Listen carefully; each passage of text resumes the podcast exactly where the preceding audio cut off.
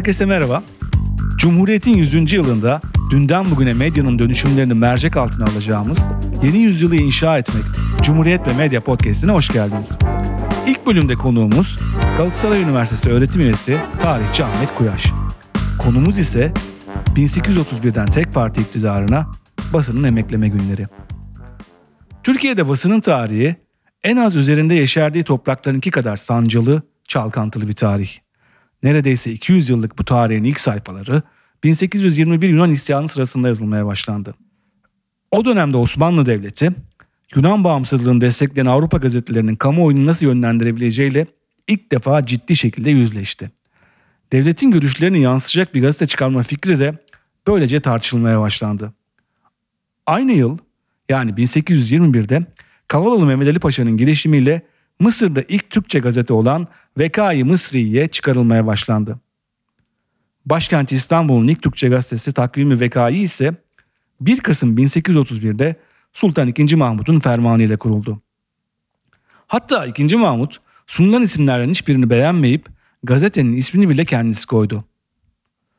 Türkçe bir gazeteyle bu güç sarayın lehine döndürülecek, yapılan ya da yapılması planlanan yenilikler halka birinci elden duyurulabilecekti. Böylece batıdaki örneklerinden 250 yıl sonra bu toprakların ilk gazete deneyimi devletin bir uzantısı olarak başladı. 1840'ta İngiliz William Churchill tarafından kurulan Ceride-i Havadis'in de maceralı bir hikayesi vardı. Churchill 1836 yılında Kadıköy'de ava çıkmış, kendi iddiasına göre bıldırcın vurmaya çalışırken tapu idaresi katibi Necati Efendi'nin küçük oğlunu yaralamıştı. Karga tulumba kadının karşısına götürülen Churchill'in gördüğü kötü muamele İngiliz Büyükelçisi Ponsonby tarafından diplomatik bir krize çevrilmiş, iki ülke savaşın eşiğine gelmişti. Miyop Churchill olayı olarak tarihe geçen krizin sonunda olay yatışsın diye Churchill'e ilk yarı resmi gazetemiz Ceride'yi havadisi çıkarma imtiyazı verilmişti. Henüz gazete okuma alışkanlığı yerleşmemiş Osmanlı toplumunda tirajı ancak 150-300 arasında kalan gazete 3 yıl boyunca devlet tarafından desteklenmişti. 1846'da oğluna miras kalan gazeteye Kırım Savaşı'ndan gönderilen haberlerle Türk basınında savaş muhabirliğinin ilk örnekleri ortaya çıkmıştı. 1853'te başlayan 3 yıllık Kırım Savaşı sırasında İstanbul ve İzmir'de Fransızca, Ermenice, Bulgarca gibi dillerde yayın yapan gazeteler çıkıyordu. Ancak bunlar da resmi görüş dışında yayın yapmıyorlardı. Buna rağmen saray erkenci davranmış, 1858'de ortada henüz iktidarı rahatsız edecek bir basından söz edilemezken ilk yasakları getirmişti bile. İzinsiz matbaa açmak, Osmanlı tevaasından bir milletin aleyhine yayın yapmak yasaklanmıştı. Özel sermayenin çıkardığı ilk Türkçe gazete olan Tercümani Ahval bu yasadan iki yıl sonra 21 Ekim 1860'da yayına başlamıştı. Gazete, sade bir dil kullanmak, ansiklopedik bilgiler vermek gibi pek çok yeniliğe imza atmıştı. Ama gazetenin sahibi Agah Efendi hala devlet memuruydu. Zira gazetecilik para kazandırmıyor, gazete çıkaracak kadar eğitimli kişiler memur maaşıyla geçiniyordu. Henüz iki işin bir arada yürütülmesi etik bir sorun olarak değerlendirilmiyordu. Türkiye'de fikir gazetecinin öncülerinden Şinasi'nin 1862'de başlattığı tasviri efkar bu anlamda bir dönüm noktası olacaktı. Şinasi, gazetenin amacını halka sorunları üzerine düşünmeyi göstermek olarak açıklamıştı. Yayınladıkları gerçek okur mektupları da gazetenin toplumla kurduğu organik bağın bir işaretiydi. Parlamenter sistemi savunan gazete, padişahı övgülerde üzmeyi reddediyordu. Aslında Şinasi de başta devlet memuruydu ama daha 10. sayıda memuriyetten atıldı. Onun arkasından gazetenin başına geçen Namık Kemal de 2 yıl sonra bir yazı dizisi nedeniyle meslekten men edilerek Paris'e yerleşmek zorunda kaldı. Giderek kamusal bir nitelik kazanmaya başlayan basına sarayın cevabı gecikmedi. Sultan Abdülaziz'in 1864'te çıkardığı matbuat nizamnamesiyle hükümetten izinsiz gazete çıkarmak, iç güvenliği bozacak kışkırtmalarda bulunmak, genel adaba ve milli ahlaka aykırı yayın yapmak, Hazreti Padişahi'ye saldırı sayılabilecek yazılar yazmak suç ilan edilmişti. 1876'da meşrutiyetin ilanı ve ilk anayasa olan Kanuni Esasi'nin kabulüyle basın bir nebze rahat nefes alsa da 1878'de meclis ve busanın kapatılmasıyla bu dönem sona ermişti. İkinci Abdülhamit'in istibdat dönemi hem muhalif basının sansür kıskacına alındığı hem de ödeneklerle yandaş basının serpildiği bir dönem oldu. Bu dönemde Türk gazeteciler faaliyetlerini yurt dışından sürdürdü. Tüm engellere rağmen bir şekilde ülkeye sokulan bu yayınlar muhalefetin şekillendirilmesinde etkili oldu. 1908'de meşrutiyet yeniden ilan edilip sansür kaldırıldığında nihayet basın özgürlüğüne kavuşulacak zannedilmişti. Ancak İttihat ve terakkicilerin de basına tahammül etmekte zorlandığı çok geçmeden görüldü. Gazeteciler suikastlerden, sürgün ve hapis cezalarından paylarına düşeni almaya devam ettiler.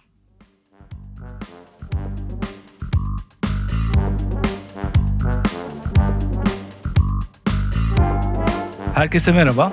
Cumhuriyet'in 100. yılında dünden bugüne medyanın dönüşümlerini mercek altına alacağımız yeni yüzyılı inşa etmek Cumhuriyet ve Medya Podcast'ine hoş geldiniz.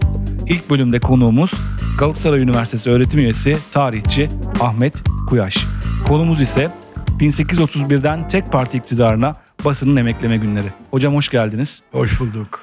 Şimdi direkt konuya girelim istiyorum. Ee, 1831 demişken ee, ama 1831'den biraz daha ileri giderek. Evet. Söze Türkiye'de eleştirel gazeteciliğin ilk örneklerinden tasviri efkarla başlamak istiyorum. Ee, yaklaşık 30 yıl boyunca saraya bağlı yayıncılık yapan resmi gazete niteliğindeki yayınlardan sonra 1862'de bu gazeteyi kuran Şinasi Bey önce memuriyetten atılıyor ardından yurt dışına kaçıyor. Onun arkasından gazeteyi dev, devralan Namık Kemal'in kaderi de aynı oluyor. Ee, tabii bu gazeteyi dönemin siyasi hareketlerinden bağımsız ayrı bir yere koyamıyoruz. Ee, bu kişilere cesaret veren siyasi ortamı nasıl değerlendiririz hocam? E, Valla yani şimdi e, temsili rejimin bile olmadığı değil mi? E, mutlak yönetimlerin hakim olduğu bir dünyada yaşıyoruz. Ayrıca sadece Osmanlı İmparatorluğu değil. Zaten o dönemde Osmanlıların e, özellikle basınla ilgili yaptıkları birçok şey doğrudan doğruya Fransa'dan kopya çekilerek yapılıyor ki Fransa'da da o günlerde gayet baskıcı bir rejim var. Üçüncü Napolyon'un meşhur ikinci imparatorluk dönemi.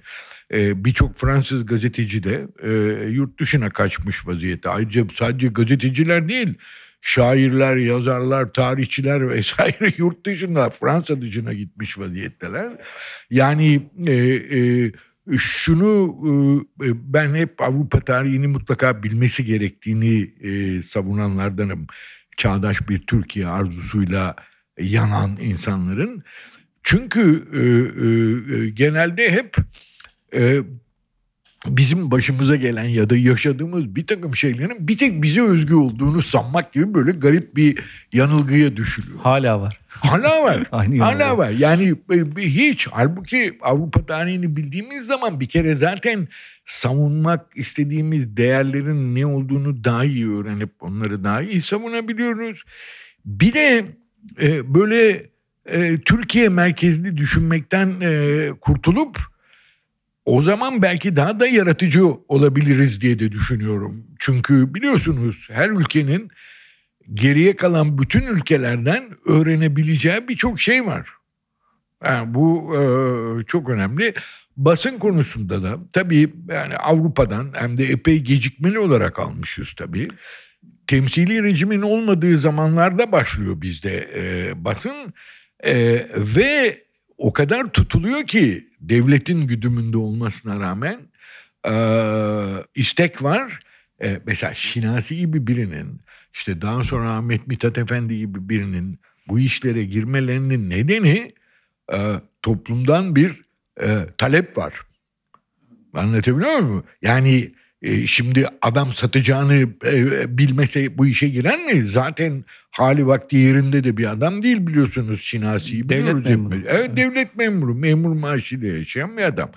Ama tabii e, o günlerin dünyasına uygun bir takım laflar etmeye başlayınca sizin de demin dediğiniz gibi e, önce memurluktan kovuluyor. E, sonra da e, şeye gidecek. E, yani onunkisi bir uzaklaştırma değil.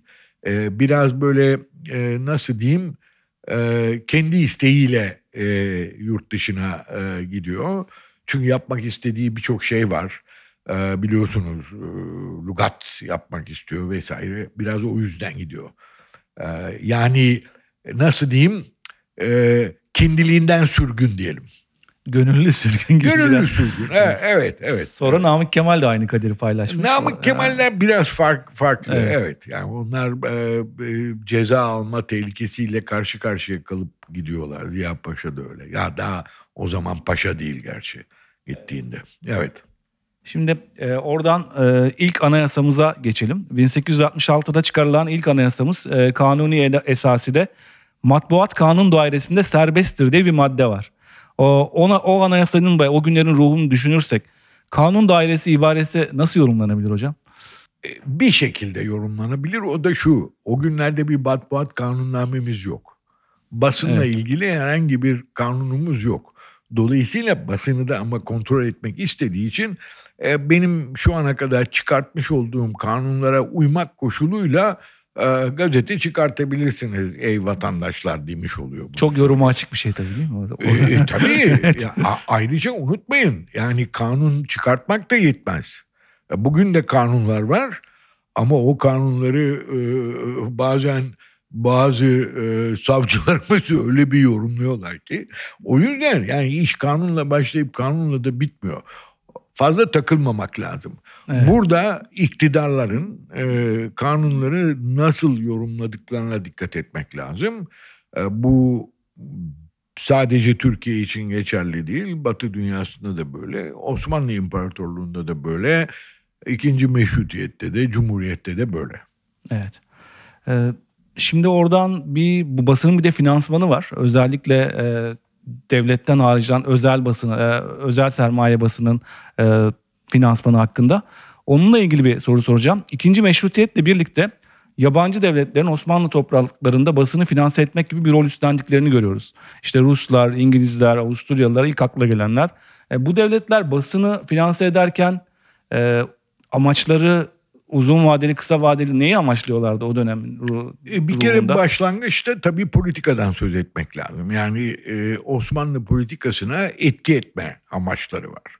E, yani Osmanlı e, İmparatorluğu'nun e, geleceği öldüğünde e, e, bunun mirası nasıl paylaşılacak? Dolayısıyla böyle bir mücadele var ve bu mücadelede e, sadece kendi aralarında değil bir de Osmanlı Devleti'ni ve Osmanlı intelijansiyasını etkilemek diye bir e, çaba var. Ayrıca unutmayın gazeteler e, e, büyük çapta e, ekonomi dünyasına bağlılar. Yani o eski gazetelere baktığınız zaman Evet. e, böyle sayfalarca e, hani bugün televizyonların altından geçiyor ya e, senetleri. e, e, Borsa- İstanbul borsa. borsasını İstanbul'da. Onların hepsi sayfalarca o gazetelerde var. Ee, İlanlar var, reklamlar var. İşte efendim e, Rus e, gemi şirketinin gemileri ne zaman geliyor, ne zaman gidiyor. Fransızlarınki ne zaman geliyor, ne zaman gidiyor. Mısırlılarınki ne zaman geliyor İstanbul'a, ne zaman İzmir'e uğrayacak, sonra bir daha kaç hafta sonra gelecek. Bütün bunlar e, bir bütünün parçası. Dolayısıyla gazetelerde hep bunları gösteren bir şey. Yani 19. yüzyılda yani Osmanlıca okumuyorsanız bile değil mi? O Evet. yayınlanmış e, Fransızca, İngilizce gazetelere bakın. Şaşarsınız. Bütün gemi kumpanyalarının seferleri şunlar bunlar ve ayrıca şey e, zaten bazıları gazeteyi biliyorsunuz hemen ya arka ya da arkaya yakın bir yerini açıp e, şeye bakıyor. E, Borsa hareketlerine bakıyorlar. E, siyasete, haberlere filan bakmadan. O yüzden e, yabancılar e, e, da çok e, etkinler Osmanlı İmparatorluğu'nda bir tür nasıl diyeyim e, e, etki üstünlüğünü sağlama çabası. Evet. Bir de o dönemde okur yazar oranına baktığımızda çok düşük Osmanlı topraklarında yani okur yazar sayısı az olarak biliyoruz. Ee, Evet. Bu gazeteler o zaman daha çok İstanbul'da küçük bir çevrenin etrafında dönen yapılar olarak tanımlanabilir mi? Ee, şeyde. Evet ama yani İstanbul'dan dışarıya da gidiyor Gaz- gazetelere baktığınız zaman Evet. e, mesela İstanbul için şu kadar lira e, Taşra için abonman şu kadar O zamanlarda da, evet. hepsinde var. Mutlaka dağılıyor. Ama e, e, o günlerin e, Osmanlı İmparatorluğu'nda e, neredeyse bütün vilayet merkezlerimizde gazete var. Mesela Mithat Paşa Tuna gazetesini çıkartıyor. Ahmet Mithat Efendi'nin ilk yazı çabaları orada. İzmir'de daha doğrusu Aydın vilayetinde biliyorsunuz vilayetin adı Aydın ama başkent İzmir. Orada e, Aydın diye bir gazete çıkıyor. Halit Ziya Uşaklıgil'in ilk yazıları orada. Evet. Yani e, edebiyatçılarımızın bile yetiştiği şimdi ama aklınıza neresi geliyorsa Erzurum'dan Beyrut'a tutun bilmem Bağdat'tan Selanik'e her yerde e, vilayetin valinin e, tam böyle e, doğrudan doğruya valiye bağlı değil ama böyle bir tür vilayet genel sekreteri diyeceğimiz vilayet mektupçusu denilen bir adam var. Onun denetimi altında o öyküde yazıyor, haberde yazıyor. Biraz evvel anlattıklarım da var. Dolayısıyla gazetemiz çok. Ve bu Cumhuriyet'in çok ileri bir tarihlerine kadar gidecek.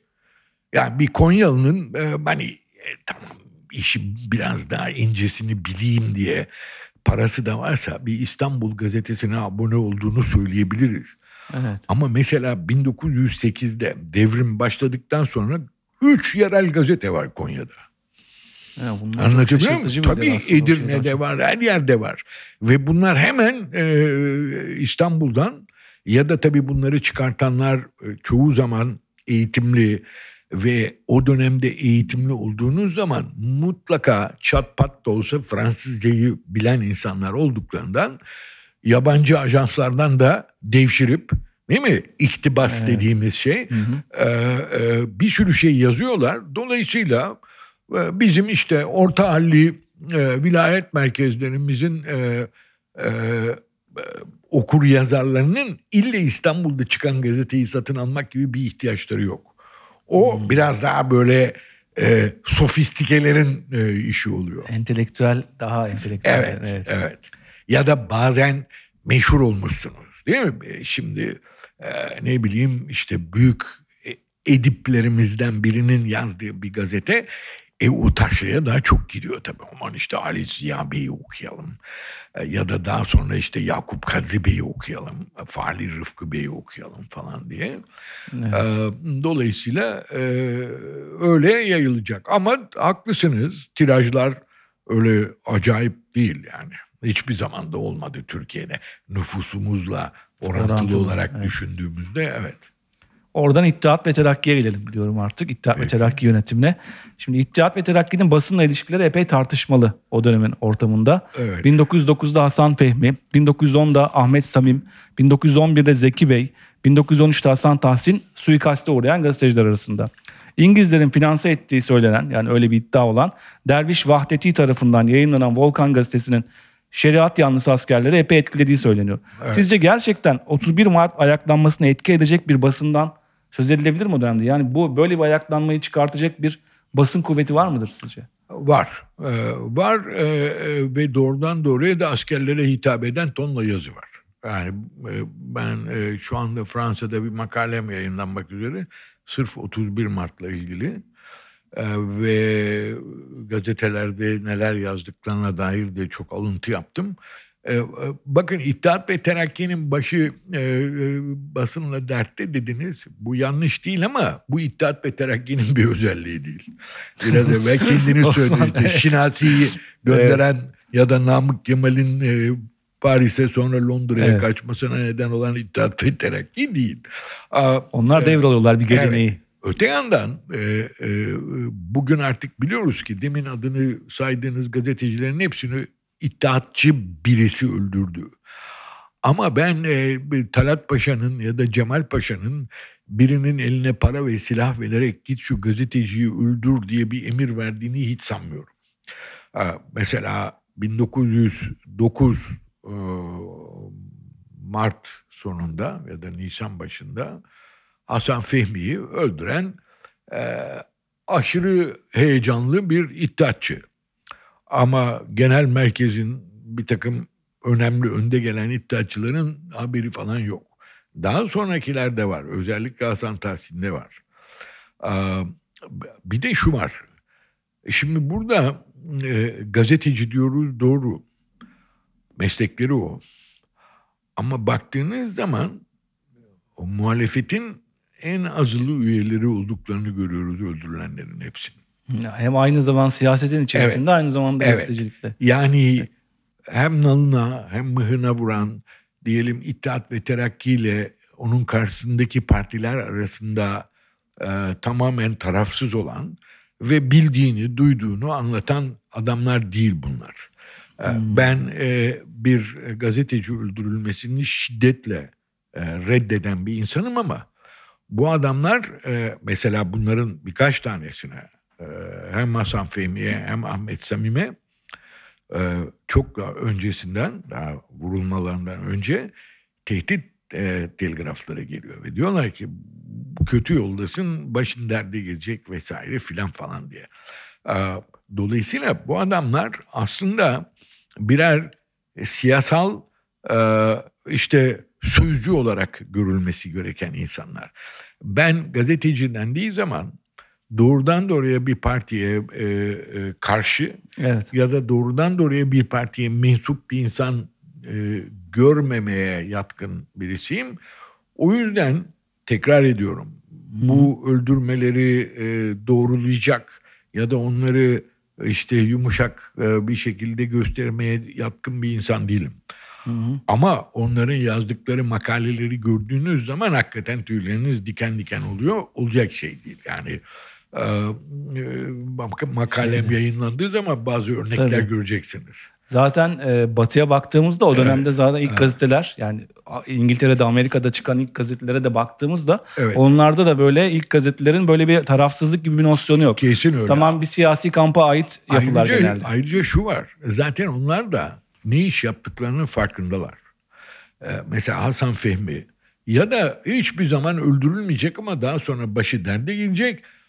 Çok daha sonra milli mücadeleden sonra e, Sakallı Nurettin Paşa'nın öldürteceği meşhur Ali Kemal bunlar sert e, ve tamamen böyle e, anti iddiatçı e, yazılar yazdıkları zaman imza da atmıyorlar. Takma isim. Şimdi mesela demin 31 Mart dediniz ya. Evet. 31 Mart'ın öncesinde 30 Mart'a kadar yani eski takvimle tabii o 13 Evet. Nisan 1909 12 Nisan'a kadar Ali Kemal Ali Kemal Ali, Ali Kemal diye e, imza görüyorsunuz. E, 31 Mart hadisesi olduktan sonra ertesi sabah işte e, e, e, ka- ne kadar kahraman olduğu bütün dünyaca bilinen Türk ordusu dün gene kahramanca bir hareket yaptı diye bir makale yazıyor. Altında imza yok. Anlatabiliyor muyum? Ee, Bakıyorsunuz üslup aynı. Ee, e, Yani onlar da yaptıkları işin farkındalar. Şimdi şaşarsınız 31 Mart'ta biliyorsunuz kaç tane insan öldürülecek. Evet. Ertesi günü muhalefetin e, sözcüsü Serbestlik gazeteci, e, Serbestlik gazetesi a, e, askerlerin dün yaptıkları e, iş harika bir işti.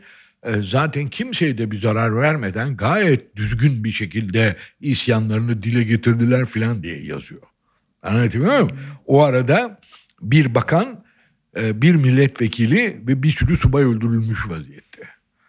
Yani şimdi hani gazeteci öldürülmesi korkunç kötü bir şey ama bu öldürülenlerin bazılarının da gazetecilikleri gene korkunç bir gazetecilik yani. Bilmem anlatabiliyor Evet, siyasi misyonlarını da metinleri okumak lazım. Evet. Ee, metinleri okumanız lazım. O zaman e, göreceksiniz. Şimdi o Birinci Dünya Savaşı'na geliyoruz buradan hocam. Şimdi Birinci Dünya Savaşı'nın son dönemlerinde parçalı bir gazetecilik yapısı var evet, e, Osmanlı topraklarında. O parçalı gazetecilik yapısı içerisinde İngilizlere yakın olan gazeteler var İstanbul basınında. Amerikan mandasına, mandasına, mandacılarına yakın olanlar var. Bir de milli mücadele destekleyen Ankara basını var. O dönemde gelişen yeni bir dinamik. O dönemde tabii Mustafa Kemal de basınla ilgilenmeye başlıyor. Basının gücünü, etkisini kullanma e, isteği oluyor içinde. Önce 1918'de Ali Fethi Okyar ile birlikte minberi çıkartıyor. Onun için bayağı bir para harcadığını, borç aldığını falan da biliyoruz.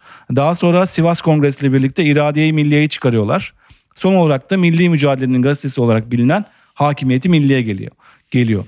Bu gazetelerin O iş- Cumhuriyette de devam edecek sonra ulusa dönüşecek. Hakimiyeti Milliye ulusa dönüşüyor. Evet. O, o geleneğe devrediyor. CHP'nin gazetesi diye bilinen. e, ha- e, Ulus Gazetesi'ne. Bu gazetelerin o dönemdeki işlevi hakkında ve Atatürk'ün e, Mustafa Kemal'in bu gazeteleri kullanma motivasyonu hakkında neler söyleyebiliriz? Yani hangi e, sahiplerle giriyor sizce? Aynı 19. yüzyılda söylediğimiz gibi yani kendini duyurmak, fikirlerini yaymak. E, şimdi biliyorsunuz e, e, sosyologlar, siyaset bilimciler hatta işin tarihsel kısmına bakan iletişimciler değil mi? Evet. e, gazetenin nasıl ulus oluşması e, sürecinde etkili olduğunu anlatırlar. Neden? E, ulus olmanın bir başka özelliği de eskiden beri olan ama artık böyle bir blok haline gelen kamuoyu dediğimiz şey. Değil mi? Kamuoyu oluşturmak. E, ya, kamuoyu şimdi bu çok önemli. Hem size destek için lazım ama siz iktidardaysanız ve kamuoyu da size pek hoşunuza gitmeyen şeyler oluyor. O zaman niye gazeteler yasaklanıyor? Bundan. Şimdi şöyle diyeceğim size. Aklıma geldi kamuoyu deyince. E şimdi 17. yüzyılda Osmanlı Sultanı'ndan ta İngiltere Kralı'na kadar her hükümdar kahvehaneleri yasaklıyor. Niye biliyor musunuz? Çünkü kamuoyu yuvası buraları. Hmm, şey, Yani haber masın, İnsanlar kamusallığı. bir araya gelince dır dır dır dır başlıyorlar Evet. politika konuşmaya. Anladın mı? Şimdi artık basın var ona gerek kalmamış. O, herkes okuyor. Şimdi o yüzden ama bu biraz şey iki yanı keskin bıçak. Çünkü siz kendi fikirlerinizi işte yapacağım edeceğimlerinizi neyse onları da anlatabilirsiniz. O yüzden basına e, çok iyi yaklaşırsınız ama başkaları da ya bu adam da fena halde çuvallıyor diye söyledikleri zaman onu da susturmaya çalışıyorsunuz. Şimdi burada da e, programı politik programları bir şeyler yapmak isteyenler olduğu zaman gazete şimdi ikinci meşrutiyette siz biliyorsunuzdur o konuya değinmediniz ama aklıma gelecek. Niye korkunç bir gazete ve dergi patlaması var? Bunlar çünkü herkesin anlatacak bir şey var. Evet. Anlatabiliyor muyum? Ama onların bazıları yaşamayacak. Hatta bazen aynı şeyi anlatanlardan ikisinden biri iyi, daha iyi anlattığı için kalacak, öteki e, yok olacak filan. Şimdi meşrutiyet de böyle, mütarekede de böyle. Dolayısıyla bir sürü yeni gazete çıkacak. Mesela daha sonra e, e, İçişleri Bakanlığı yapacak Ahmet Ferit Bey İFAM diye bir gazete çıkartacak. E, siz Minber'den bahsettiniz. Daha başka gazeteler de çıkacak. Bunların bazıları yaşamayacaklar. Bunlar milli mücadele döneminde değil mi? Tabii Evet. hemen Mondros Evet. bırakışmasından sonra e, çıkıyor. E, Tabii e, biraz evvel dediğim gibi Ankara ile İstanbul arasında gerginlik arttığında e, İstanbul'da Ankara adına konuşanlar pek sesi çıkmıyor. Daha sonra yumuşama olduğu zaman çıkacak. Yani. Evet. Şimdi milli mücadeleyi bitirelim o zaman. Artık e, Olur. Kurtuluş Savaşı'nı vermiş olalım. Bunun sonunda Cumhuriyet kuruluyor. Ve Cumhuriyet'le birlikte de yeni yeni bir gazetecilik ortamı doğuyor. Ş- bu döneminin basınını e, o günün şartlarına göre nasıl değerlendirebiliriz? Bugünden baktığımızda belki bambaşka şeyler söylenebilir ama o günün şartlarında Cumhuriyet'in ilk yıllarında gazetecilik deyince sizin aklınıza neler gelir hocam? Vallahi size şöyle söyleyeyim. Anadolu zaferiyle e, Mart 1925 e, Takrir-i Sükun Kanunu arasındaki o 3 yıla yakın dönem e, Türk gazeteciliğinin en özgür ve gazete e, dünyamızın en zengin olduğu bir dönemden bahsedebiliyoruz. Ee, bu nasıl oluyor? Şöyle oluyor. Ee, işte Ankara'nın yavaş yavaş Cumhuriyet'e doğru gitmek istediği ortaya çıktığı zaman e, İstanbul'da milli mücadeleyi desteklemiş ama Cumhuriyet'i istemeyen meşruti monarşiyle değil mi? Yani Büyük Britanya nasılsa biz de öyle olalım. Cumhuriyet kurmaya gerek yok e, diyen insanlar var. Yani ben tabii onların yanıldıkları kanısındayım. Türkiye hani biliyorsunuz bu konuyu bugünlerde çok tartışıyoruz. Ee, e, Sayın Cahit Yalçın gibi böyle kaleminden kan damlayan e, deneyimli gazeteci, eski iddiatçı, hala da iddiatçı. Ya mesela 1923 seçimleri sırasında Cumhuriyet'ten biraz önce e, baharda seçim kararı alındığında e, bu seçimlere İttihat ve Terakki girecek mi girmeyecek mi diye tartışma çıkıyor gazetelerde. Bunun üzerine Hmm. e, Hüseyin Cahit Yalçın'ın baş yazısı var. Diyor ki İttihat ve Terakki bu seçimlere katılmayacak. E, Gazi Paşa'nın meclisteki birinci grubunu destekleyecek diye. Şimdi güzel bir şey söylemiş gibi gözüküyor size değil mi? Evet birinci grup var, ikinci grup var şimdi. Ertesi günü zehir zemberek bir demeç veriyor Mustafa Kemal Paşa. Biz de eskiden iddiatçıydık ama benim bildiğim kadarıyla Kasım 1918'de bu parti kendi kendini feshetti. Bugün artık e, onun adına laf söyleyecek birisinin olmaması gerekir diye çok fena bir sert çıkış yapıyor. Hmm. Anlatabiliyor muyum? Direkt o, o kapıyı kapatıyor. E şimdi Hüseyin Cahit burada. Ve bir sürü başka eskiden bakanlık yapmış iddiatçı adam var İstanbul'da. Ve bunlar Türkiye'nin en güçlü sermayesi en büyük bankasının da ayrıca sahipleri. Şimdi bunların tanini var. Ya Hüseyin Cahit. Evet. Ee, e, Ahmet Emin Yalman da vakitten ayrılmış bağımsız Amerikan usulü orada biliyorsunuz gazetecilik tahsil etmiştir. Ee, zaten tezi de şey e, basınından e, yola çıkarak e, Türkiye'nin modernleşmesi diye doktora tezi yazmıştır. E, Türkçe'ye de çevrildi yanılmıyorsam. İngilizcesi yeniden basıldı falan. Neyse. Aa, e, Ahmet Emin Yalman da tarafsız olunca bir dakika İstanbul'da zayıfladık. Hadi bakalım e, e, Yunus Nadi sen İstanbul'a git adı da Cumhuriyet olacak ve bizim takımdan olan bir gazete kur e, başlat diyecek. E, finansal olarak ne olduğunu bilmiyorum. E, yani Atatürk para verdi mi Cumhuriyet kurulurken filan falan ama verdiyse bile bunu örtülü ödenekten ve duyurmadan yapmıştır. Evet. Ee, Yani Yunus Nadi Bey'in e, e, Yeni Gün gazetesiyle para kazanmış olacağını pek sanmıyorum. Dolayısıyla mutlaka bir yardım vardır ama bunu bulmak mümkün değil yani. E, ispat edemeyiz hiçbir şekilde. Ee, Bu biraz önce dediğim gibi 1925'e kadar böyle gidecek. 25 takrir sükuna kadar öyle gidiyor. Ee, şimdi bu Atatürk'ün Cumhuriyet Gazetesi'ni kurdurmasını Yunus Nadi'ye söyledik. O bir tabii basını basının yolunu açan ya da bir basın kuruluşunun kurulmasına yol açan bir şey. Peki başka o dönemde bunlardan başka basının gelişmesi için e, devlet eliyle ya da iktidar eliyle e, Atatürk'ün emrinde yapılan başka bir gelişme var mı? Ben bilmiyorum doğrusunu Evet. isterseniz. Bildiğim kadarıyla 1931'e kadar bir basın e, yani o zamanki adıyla matbuat kanunu olmayacak. Evet. 31'de var bir tane. O da berbat bir kanun. E, onu da soracağım. Yani Arif Oruç o günlerde e, yazdığı bir makalede e, bu diyor e, Cumhuriyet rejiminden iki adım gerideki bir rejime ancak yakışabilecek bir e, basın e, kanunudur diyor. Yani mutlakiyeti düşünüyor.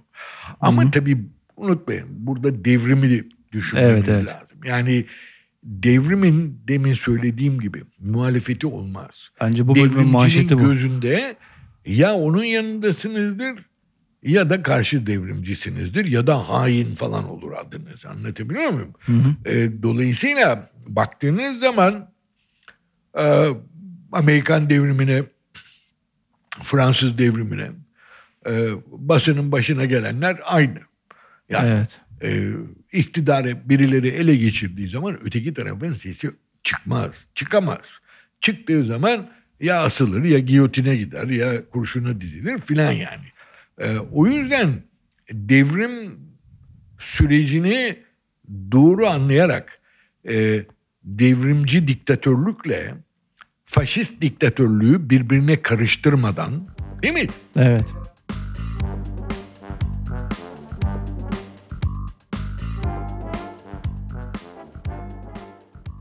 Bugün aslında burada yapılan en büyük hatalardan biri bugünkü faşizmle düşünüp bugünkü bugünün faşizm algısıyla düşünüp o dönemin e, Evet. şartlarını hiç değerlendirmeden e, Öyle. Bir Değerlendirmek de, oluyor. Bir de yani e, şimdi tarihe baktığımız zaman e, siyasete e, e, zebun olmak diye bir sorunumuz var. Şimdi siyaset çoğu zaman ak ve kara diye gider. evet Değil mi? Yani işte mesela ne oluyor? İşte Cumhurbaşkanı seçimi e, alakasız altı tane parti bir araya geliyorlar değil mi? O bir ekip oluyor. Evet hayır meselesi. Ak kara meselesi. Bu olur siyasette. Ama tarih böyle değil, toplum böyle değil. Bakıyorsunuz altı tane ayrı parti var ve bambaşka tellerden çalıyorlar. Değil mi? evet Şimdi onu tarihe baktığınız zaman bunu görmeniz lazım. E, Ak ve kara diye baktığınız zaman tarih olmuyor. Tarihin berbat bir karikatürü oluyor. evet Anlatabiliyor muyum? E, Mesela 1925'te Takrir Sükun'dan sonra muhalif olmamasına rağmen Vatan Gazetesi de kapatılacak. Biliyorsunuz gazeteler kapandı. Bunları e, yargıladılar ama beraat ettirdiler. Ama bir daha gazete falan çıkartmadı kimse. E daha 1936'da bir akşam yemeğe gittiklerinde aynı yerde karşılaşıyorlar. Bir yerde Mustafa Kemal yanında arkadaşlar falan. Öte yanda Ahmet Emin Yalman karısı yemek yiyorlar. Atatürk Mustafa Ke- şeye Ahmet Emin Yalman'a "Am, artık gazete çıkartabilirsiniz Ahmet diyor. Karpiç lokantasında Tabii oluyor, 1936. Evet, evet Ana- Karpiç kendi bu olay- anılarında var. Evet, Ee, bu şeyde. Mesele bu. Yani neden 1936'da bunu söylüyor? Çünkü artık karşı devrim korkusu yok. kalmamış o Anlatabiliyor şeyde. muyum? Artık o sertlik gerekmiyor. Düzen oturmuş. Bir sürü eski muhalif e, halk fırkasından milletvekili olarak meclise geri dönmüşler. Değil mi? Terakkiperver Evet. Cumhuriyet Fırkası'nı kurmuş bir sürü insan birer ikişer dönmüşler. E, şey. Meclise. Neden? Çünkü bakıyorlar "Ya biz de bu Türkiye'yi e, şey yapıyorduk, istiyorduk. Yolumuz farklıydı ama o yolumuz meğer yanlışmış. Ayrıca bir sürü gayrimüslimimiz var. E, Bir de hiçbir dine mensup olmadığını iddia eden ya da Tanrı'ya inanmayan insanlar var. Ya Evet. ne oluyoruz yani? Anlatabiliyor muyum? O yüzden onu anlamamışlar. Ulus devleti anlayamamışlar. Sonra anladıkları zaman e, Cumhuriyet Halk Partisi'ne geri dönmeleri bir sorun teşkil etmiyor. Anlatabiliyor muyum? E, zaten 39'da dönüp milletvekili olacaklardan bir tanesi kim biliyorsunuz değil mi? Hüseyin Cahit Yalçın. Evet. Evet. Çok renkli bir figür ya. Hüseyin Cahit Yalçın bütün E, o tabii, dönemin basınını da incelemek için basınındaki hareketleri, dönüşümleri, tabii. e, tabii. muhalefeti çok Evet. ciddi Ama bir unutmayın örnek. yani işte herkes Mustafa Kemal Paşa gibi e, Avrupa'da nasıl bir gidişat olduğunu çok erken bir tarihte anlayabilmiş. Ulus devletin neye benzemesi gerektiğini anlayabilmiş değil. Evet. Mustafa Kemal de bunu uzun uzun anlatmıyor tabii. E çünkü bir demokrasi rejimi değil. Doğrusu bu, bunu yapacağız. Biliyorsun yani Jakobinizm buna deniyor. E, Yani. Devrimci diktatörlük. O yüzden e, böyle Mustafa Kemal'in e, CHP'sini, işte tek parti yönetimini öyle Mussolini ile Hitler'le falan karşılaştıranlara yani tarihten hiçbir şey anlamamışlar. Aynısını basın tarihimiz için de söyleyebiliriz aslında. Onların basın tarihiyle paralel giden yani orada da e, sonuçta devrim süreçlerinde Yok. yaşanan şeyler burada da yaşanmış gibi bir sonuca varıyoruz buradan aslında bir evet. şey olarak. Yani, yani şimdi düşünebiliyor musun? Kapitalizm iyidir ya arkadaşlar. Kapitalizme gidelim diyen bir gazete çıkacak Moskova'da 1920'lerde 30'larda falan. Onun gibi bir şey bu. Evet. Türkiye'de de tabii şey olmuyor. yani Evet. E, Şimdi o dönemde yine zaten takrir sükundan da bahsettik. Basının ciddi sınavdan geçtiği en önemli olaylardan biri de Dersim isyanı. Evet. olan olay. Ee, İçişleri Bakanı Şükrü Kaya aracılığıyla basına bir andıç gidiyor o zaman. Yani Evet. sadece bizim tarafımızdan yorumlayacaksınız gibi e, bir evet ama şey. bu E, demin evet. söylediğimiz o matbuat kanununda yazandan bir farkı yok bunun. O zaman dönemin basın kanunları gazeteciliği aslında olumlu etkilememiştir ama onun da nedeni vardı diye burayı sonuçlandırabiliriz o, o kısmı. Basın kanunu Evet. 31'daki Ama Kanun olumsuz da etkilemedi. Neden? Çünkü muhalefet de yok. Hmm, evet. Çok partili, demokratik bir tartışma zemini yok.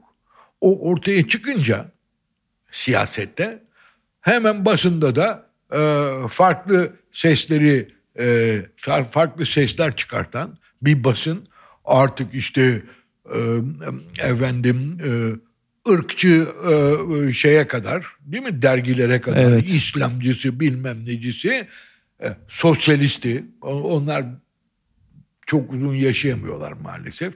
Çünkü bunların İşte. hepsi sosyalistlere vuruyor. Ama yani 1945-46'dan itibaren e, yeniden e, çok sesli, çok renkli, e, zengin bir basın ki burada sadece gazetelerden değil dergilerden de bahsetmek lazım. Bunlar şeyle beraber. iki çok Evet, partili hayatla beraber hayatımızı. Yani bu tamamen siyasetle ilgili. Hı. Unutmayın e, 1940'lara kadar e, Türkiye bir devrim yaşıyor. Ve devrim e, oy vererek yapılan bir şey değil. Seçim yaparak yapılan bir şey değil.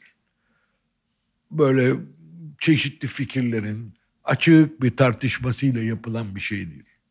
Değil mi? Evet. E, Jacobenlik bu. İşte Ha, Kimileri bunu sevmiyor. Tepeden inmecilik diyor. Ben e, böyle tepeden inmeci olmaya falan teşne bir insan değilim. E, bugün onu yapmaya çalışanlara da çok kızıyorum. Ama geçmişte bazı tepeden inmeleri mesela Cromwell'in diktatörlüğünü değil mi? Parlamenterizmi dünyaya getirdi diye, yerleştirdi diye.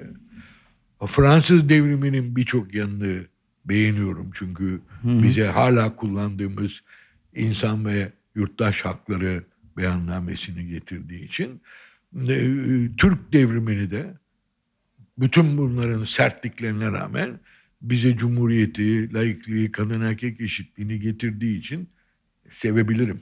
Evet. Bu dönemin Bu o sürecin sertliklerini aklamak ya da yok saymak, saklamak, gömmek falan demek değil. evet. Bütün mesele e, muhasebeyi namuslu yapıp ondan sonra işte neyini sürdüreceğiz, neyini sürdürmeyeceğiz. Evet, devrim Bu kadar basit. O dönem zaten e, bu devrim süreci yüzünden çok sesli bir basından söz etmek zaten Evet. teorik olarak mümkün olmuyor. E tabii. Buradan geldiğimiz, vardığımız sonuçta. Ben devrimcilere üzerine bu şekilde yüklenildiği zaman başka bir takım dönemlerde, sözüm ona demokratik olan dönemlerde gazetecilere yapılanların ne kadar korkunçluklar olduğunu e, hatırlatmaya gidiyor işim.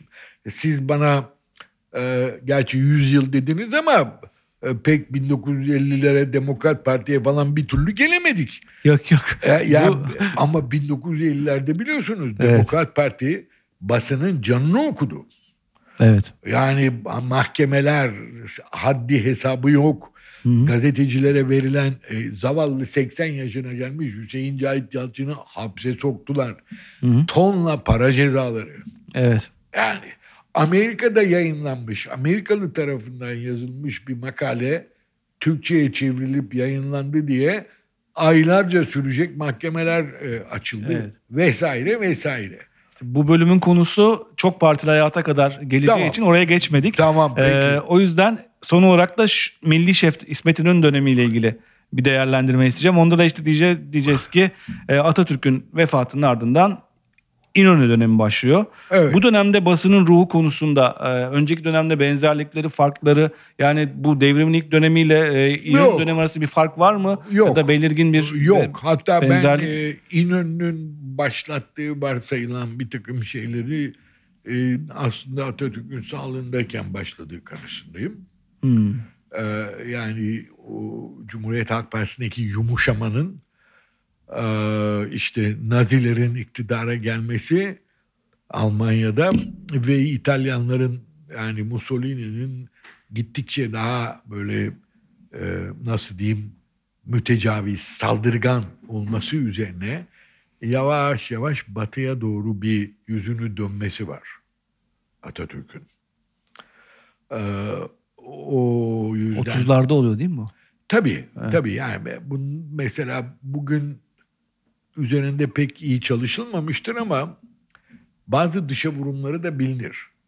Hmm. Ya mesela İnönü'yle araları açılınca niye Celal Bayar başbakan oluyor da partinin üç numaralı adamı olan Şükrü Kaya başbakan olmuyor. Evet. Çünkü Şükrü Kaya çok e, sert devrimci takımından.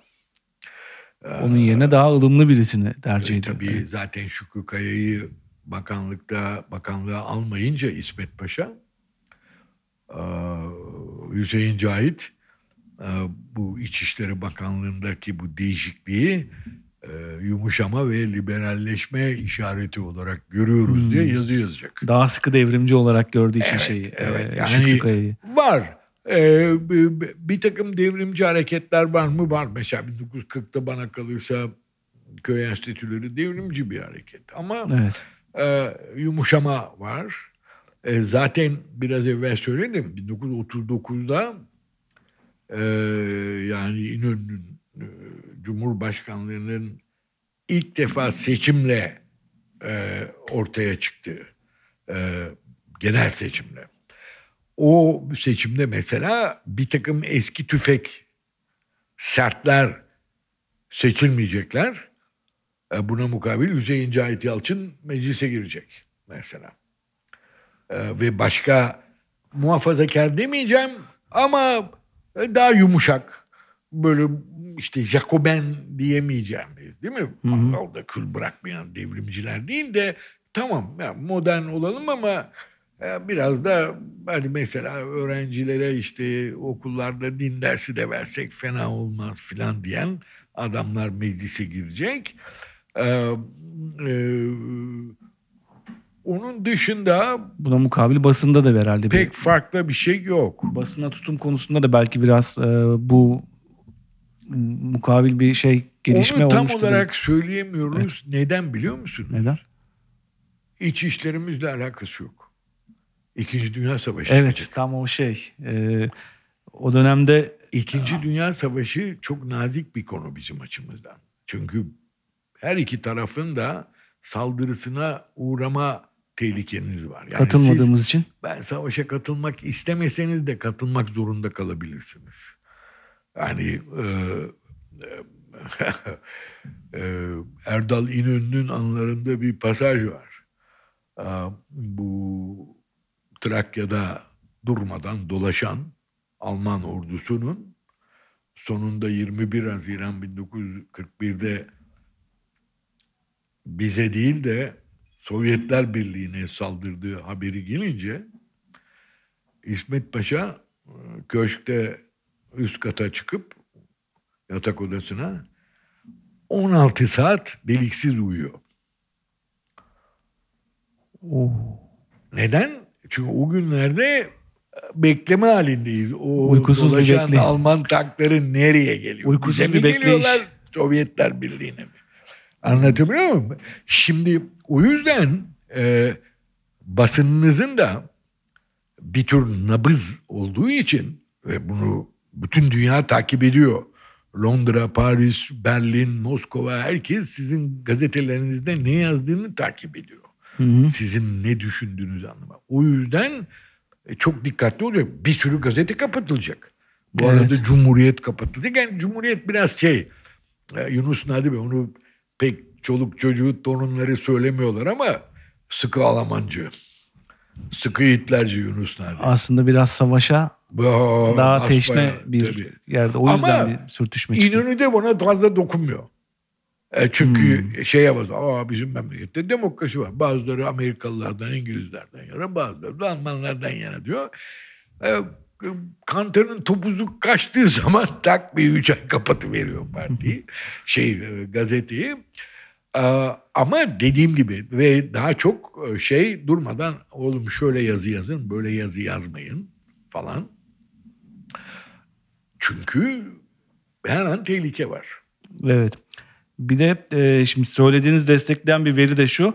e, İkinci Dünya Savaşı sırasında cephelerdeki son durumla ilgili olarak Anadolu Ajansı haricinde haber yapmak yasaklanıyor. Yani cephelerdeki durumu sadece Anadolu Ajansı üzerinden aktarabilirsiniz. Şey Doğru geliyor. ama Anadolu Ajansı kötü değil. O dönemin Anadolu Ben Ajansı. baktım yani gazetelere o dönemde. Ee, İşte Almanların başarısını da, e, müttefiklerin başarısını da gayet güzel anlatıyor. Çok teşekkürler hocam. Ee, şeyden e, meşrutiyetten başladık. 1800'lerden başladık. E, Cumhur, Cumhuriyet'in çok partili döneme giden e, son basamağına kadar geldik.